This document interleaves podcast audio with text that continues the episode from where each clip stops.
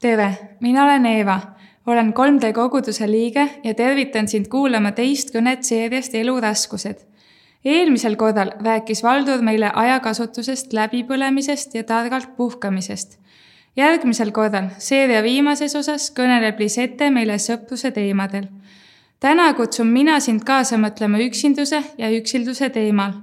Richard Wilkins ja Kate Pickett on oma raamatust The Inner Level jõudnud ulatusliku teadusliku tõendusmaterjali toel järgmisele järeldusele. tsiteerin. ilmselgelt on inimaju vägagi otseses mõttes sotsiaalne elund.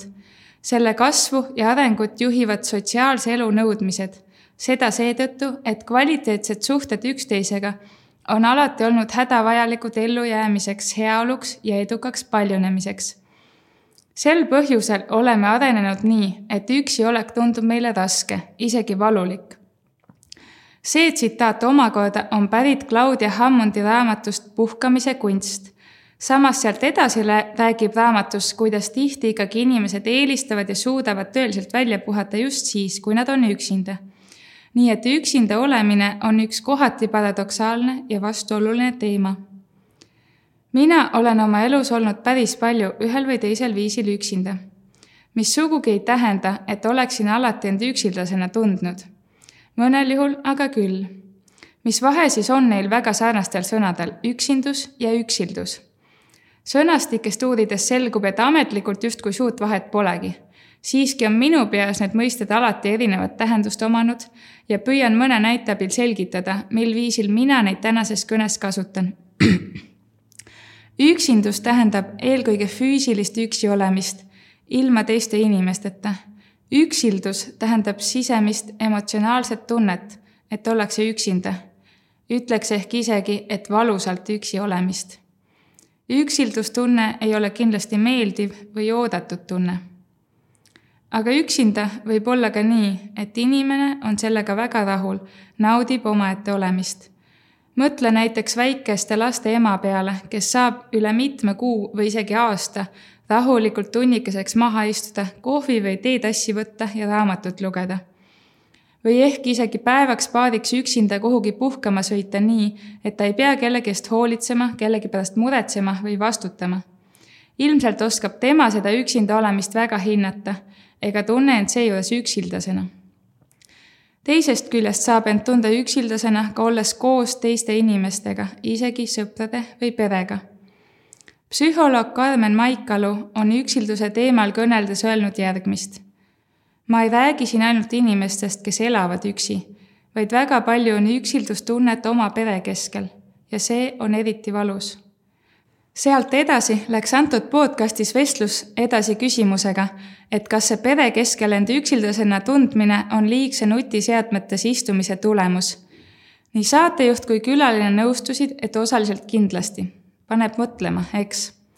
arvan, et see ei ole paljudele üllatus, et üksinda võib end tunda ka inimeste keskel olles. olgu siis põhjuseks nutiseadmete liigkasutus või midagi täiesti teistsugust. Nagu ütlesin, ka mina olen elus omajagu aega üksinda veetnud, mitmes mõttes ka füüsiliselt. suure osa ajast, vähemalt nooremana, ei olnud see ise, isegi minu jaoks probleem olen harjunud palju näiteks üksinda looduses käima ja mulle see pigem väga meeldib. ja kuigi olen teatud perioodidel puudust tundnud, et võiks olla keegi sõber või kaaslane, kellega koos looduses rännata, siis see on pigem ikkagi olnud positiivset laadi üksiolek, mida olen õppinud nautima.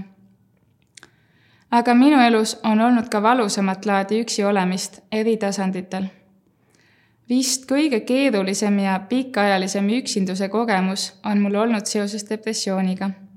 kui sind see teema rohkem huvitab, võid otsida Youtube'ist tunnistusvideot pealkirjaga Korduv võit depressiooni üle. igal juhul olen mitu korda elus olnud nii sügaval augus oma vaimse tervisega, et pole tahtnud, jaksanud, julgenud ega osanud enam teistega suhelda ja see on üsna karm kogemus sest tegelikult ma vajan küll sellel hetkel inimesi enda kõrvale, vähemalt mingil määral ikka. aga ega teistel ka ei ole kerge sellises seisus inimese kõrval olla ja ma täiesti mõistan seda. Need üksinda kodus istumise ajad on sellised, et isegi kui teoorias tean, et ma ei ole üksi ja mul on hoolivad sõbrad ja perekond, siis see ei aita sel hetkel sisuliselt mitte midagi. Veel kurvem on aga see, et vähemalt minu puhul tekib neis depressiooniaukudes ka midagi, mida võiks nimetada ehk vaimulikuks üksinduseks. on väga suur süütunne nii inimeste kui Jumala ees, et ma üldse sellises seisus olen ja end ise grammigi aidata ei suuda, vahel isegi ei soovi sel hetkel ei ole mind kahjuks aidanud isegi see, kui ma tean, et need mõtted ja tunded, mis mu sees on, ei ole tõde ja et Jumal mõtleb minu kohta teisiti kui ma ise sel hetkel. aga et tuua seda positiivset poolt silma ette, mida Jumal tegelikult meie kohta mõtleb ja mida me saame endale meelde tuletada keerulistes olukordades, toon siin välja mõned kirjakohad näiteks Johannese evangeeliumis kuueteistkümnendas peatükis ütleb Jeesus nii ennäe, tund tuleb ja on juba tulnud, et teid hajutatakse igaüks ise kohta ning te jätate mu üksi. Ja ometi ma ei ole üksi, sest isa on minuga. sama julgustust mina olen sinuga pakkus Jumal Vanas Testamendis näiteks Gideonile, Joosuale ja Jaakobile. läbi Vana Testamendi kõlab fraas Mina olen sinuga kolmeteistkümnel korral, kui me otsime seda piiblist täpselt sellisel kujul muus vormis ja sõnastuses leiab sisuliselt sama mõtet veelgi rohkem. hiljem Uues Testamendis ütleb Jumal ka Paulusele, et ta ei kardaks, vaid teaks, et Jumal on temaga. samamoodi tahab Jumal täna, et sina teaksid, et tema on sinuga, et sa võid tema peale kindel olla, teda usaldada, tema poole alati palves pöörduda abi saamiseks.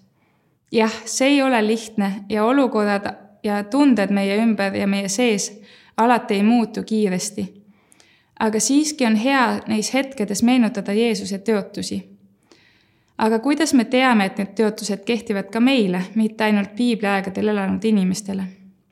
Jeesus, kes ise samuti koges üksildust, kõndides inimesena siin maa peal, andis oma jüngritele teotuse, et ta on meie juures iga päev maailma ajastu lõpuni see on sarnaselt abiellumisega, et ei teotata eluraskusi ära hoida või muud sellist, vaid teotatakse truudust. Jumal tõotab meile oma täiuslikku truudust ja meil on võimalus minna koos temaga läbi elu, nii keerulistel kui ilusatel päevadel. jagan sinuga veel midagi isiklikku. üks teema, millele üksindus, üksinduse kontekstis tihti mõeldakse on ilmselt abielu või siis teistpidi vallalisus. ma olen kolmekümneaastane ja tänaseni vallaline. Ühest küljest jah, muidugi ma igatsen, et Jumal kingiks minu ellu selle inimese. aga ta on andnud mulle ka võrdlemisi suure kindluse ja rahu selles osas, et ühel päeval see inimene tuleb, varem või hiljem, Jumala ajastuse järgi ja siis, kui ma ise selleks valmis olen. sest ma tean, et kui see mees mu ellu tuleb peab mul olema talle midagi anda. see tähendab, soovin, et oleksin ise piisavalt tugev ja stabiilne, sealhulgas vaimse tervise mõttes. Ja soovin, et ka sina, kes sa veel ootad seda õiget meest või naist enda ellu, ei peaks end kuidagi üksildasena või ebapiisavana tundma seepärast, et oled vallaline. minu kogemus on, et tasub teadlikult ka luua ja ehitada tugevaid ja lähedasi sõprussuhteid, et end mitte üksildasena tunda ja see ei pruugi olla alati nii väga lihtne. kas või selles mõttes, et inimesed, kellega tunned, et võiksid hästi klappida, näiteks juba on suhtes ehk isegi lapsevanemad või lihtsalt õpivad või töötavad suure koormusega ja neil lihtsalt ei jääks aega nii tihedalt suhelda, nagu sina igatsed. see ongi kohati kurb ja valus, aga arvan, et see on üks elu paratamatusi, millega peame õppima toime tulema seega olengi püüdnud valida ja otsida enda ellu neid inimesi, kellel lisaks sellele, et nad ise tahavad minuga sõbrad olla, oleks ka rohkem vaba aega. Ja samas tasub mõelda ka teistpidi. kui mina tunnen end täna üksildasena, siis äkki ma saan ise olla heaks sõbraks kellelegi teisele, kes tunneb samamoodi üksindust. ja lõpuks võidavad kõik. usun, et ka Jumala süda rõõmustab heade lähedaste sõpruste üle ka piibel räägib Pauluse esimeses kirjas korintlastele seitsmendas peatükis nii abielu ja perekondlike suhete õnnistusest kui ka vallalisuse erilisusest. Just vallalisena saab inimene lisaks laiema suhete võrgustiku ehitamisele pühenduda rohkem ka teiste inimeste ja Jumala teenimisele. nii et jah, mina ootan veel seda õiget partnerit enda kõrvale. ja loodan ja usun, et ühel päeval ta tuleb. aga ikkagi on mu ümber tänaseks palju inimesi, sõpru ja kaasteelisi, nii et ma üldjuhul ei tunne ennast liiga üksi. samas ma ei taha sulle ka illusiooni luua, seega ütlen, et loomulikult vahel ikkagi tunnen end ka üksildasena. aga ma arvan, et see on täiesti okei okay ja sellega tuleb lihtsalt õppida elama lõpuks ka abielus olemine ei taga ju sugugi, et inimene end kunagi üksildasena ei tunneks. ja tahan, et teaksid, et isegi kui tunned end praegu väga üksildasena, on keegi, kes sind iialgi üksi ei jäta, sinu looja Jumal. tema ei jäta sind maha ega hülga sind. Tema armastab sind ka kõigis sinu puudustes piibel ütleb Pauluse kirjas roomlastele, et miski ei suuda meid lahutada tema armastusest, mis on Kristuses Jeesuses. kui sa veel ei tunne Jumalat, siis tea, et ta igatseb, et võiksid olla temaga lähedane ja käia oma elu koos temaga. Jeesus ise koges sügavaimat võimalikku üksildust, hüüdes ristil. mu Jumal, mu Jumal, miks sa mu maha jätsid ometi on just Jeesus see, kes oma ristisurma läbi on meid Jumalaga lepitanud, et me ealeski ei peaks kogema lahutust, lahutatust Jumalast, isegi kui mõnikord võime tunda end hüljatuna inimeste poolt.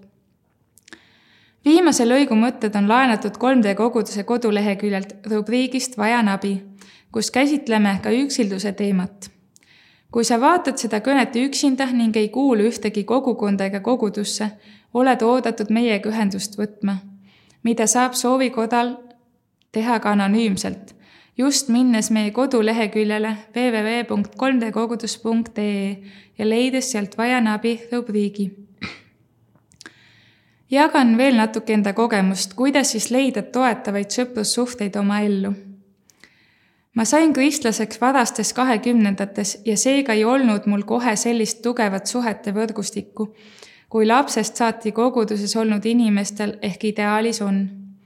nagu öeldud, olen praegu kolmekümneaastane ja tänu Jumalale täna ja juba üsna mitu aastat võin öelda, et mul tõesti on olemas sõbrad ja kaasteelised, kellega tunnen suurt lähedust, kes toetavad ja hoiavad mind igas mõttes ja ma ei tunne suures eluplaanis üksindust küll aga võin öelda, et päris mitmeid aastaid oma varasemates äh, täiskasvanu aastates on olnud aegu ja kogemusi või teemasid, kus tundsin puudust sügavamatest sõprustest või ka rohkematest lähedastest sõpradest või hingehoidjatest.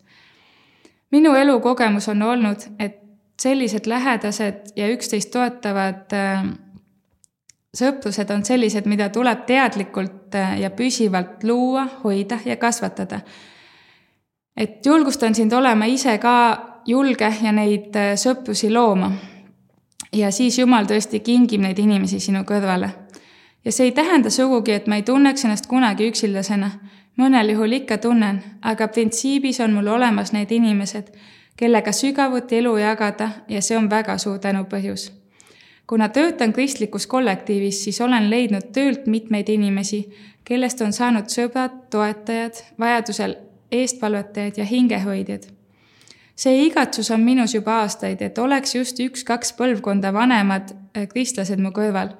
nii et olen üdini tänulik, et just kolleegide seast on Jumal mulle need inimesed kinkinud.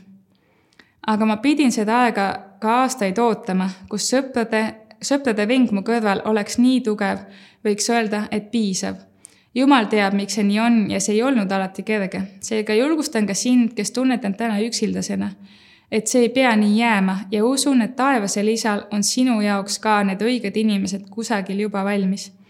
ole aga ka ise julge esimesi samme astuma ja sõprusi looma. kui sa ei ole veel ühegi koguduse liige, on kogudusse tulek ka kindlasti hea võimalus leida uusi sõpru ja toetavaid inimesi enda kõrvale. tänastest võõrastest võivad tulevikus saada sinu lähedased sõbrad ja kaasteelised siinkohal tahan sind veel korra panna mõtlema teistpidi, tõsta sinu pilgu endalt eemale, teiste inimeste ja Jeesuse peale. kutsun sind astuma üksildaste kõrvale nii koguduses kui väljaspool kogudust. kui sul on vähegi jõudu ja aega, aga samas ka siis, kui tunned iseennast üksildasena, märka oma vanaema või vanaisa, kes elab üksinda ja tunneb suhtlemisest puudust või klassi või kursusekaaslast, kes istub alati üksinda märka kolleegi, kes hoiab miskipärast enamasti omaette. või miks mitte võõrast tänaval, kes tundub kurb, väsinud või üksildane. aga märka ka neid inimesi oma elus, kes näiliselt on küll pidevalt seltskonnas, aga võib-olla ei ole neil tõelisi sõpru ja usaldusisikuid, kellega jagada enda sees olevaid sügavamaid mõtteid, igatsusi ja võitlusi. astu piltlikult või otseses mõttes nende kõrvale mine ja tee juttu, helista, kirjuta, jäta kas või julgustava sõnumiga märkmepaber selle inimese töölauale või koolikotti. sa võid üllatuda, kui palju võivad sellised suhted ka sinu elu rikastada. samas tahan hetkeks juhtida sinu tähelepanu ka kohati keerulisele teemale. lihtsalt tuletan sulle leebelt meelde, et ka koguduses me keegi ei ole ideaalsed, seega ka koguduses ei ole inimestevahelised suhted ideaalsed me oleme kõik ebatäiuslikud inimesed, seega võib ka koguduse keskel inimlikult pettuda, vahel isegi haiget saada suhetes. samas isiklikust kogemusest julgen kinnitada, et sellele vaatamata on kogudus ikkagi parim võimalik seltskond, kus olla, isegi inimlikult, rääkimata koos Jumalale lähemale kasvamise võimalusest. julgustan sind veel kord astuma ka lähedale kogudusele kui sa veel ei ole ühegi kogudusega kontaktis, kutsun üles julgust kokku võtma ja seda sammu tegema. oled alati oodatud 3D koguduse kokkusaamistele ja kui sa juba oled kogudusega seotud, siis usun, et alati saame ka koguduse sees veel rohkem üksteisele ja sellega koos, üheskoos ka Jumalale lähemale astuda. lõpetuseks aga soovin veel kord välja tuua kõige olulisema Jeesus ja tema ristisurm ja ülestõusmine on päästnud meid üksinduse kõrbest tõotatud maale, kus me ei pea enam kunagi päriselt üksi olema, kuna Jeesus on tõotanud. vaata, ma olen iga päev teie juures. see võib olla kõige jumalikumaks kogemuseks inimelus, et isegi üksi võid olla kahekesi. selles on rõõmusõnumi tuum Jeesuse issandaks olemises, mitte kunagi enam üksi. järgnevalt tulevad ekraanile arutelu küsimused, millele saame koos mõelda kogukondades või kui oled üksinda, saad samamoodi nende küsimuste üle mõtiskleda. aitäh kuulamast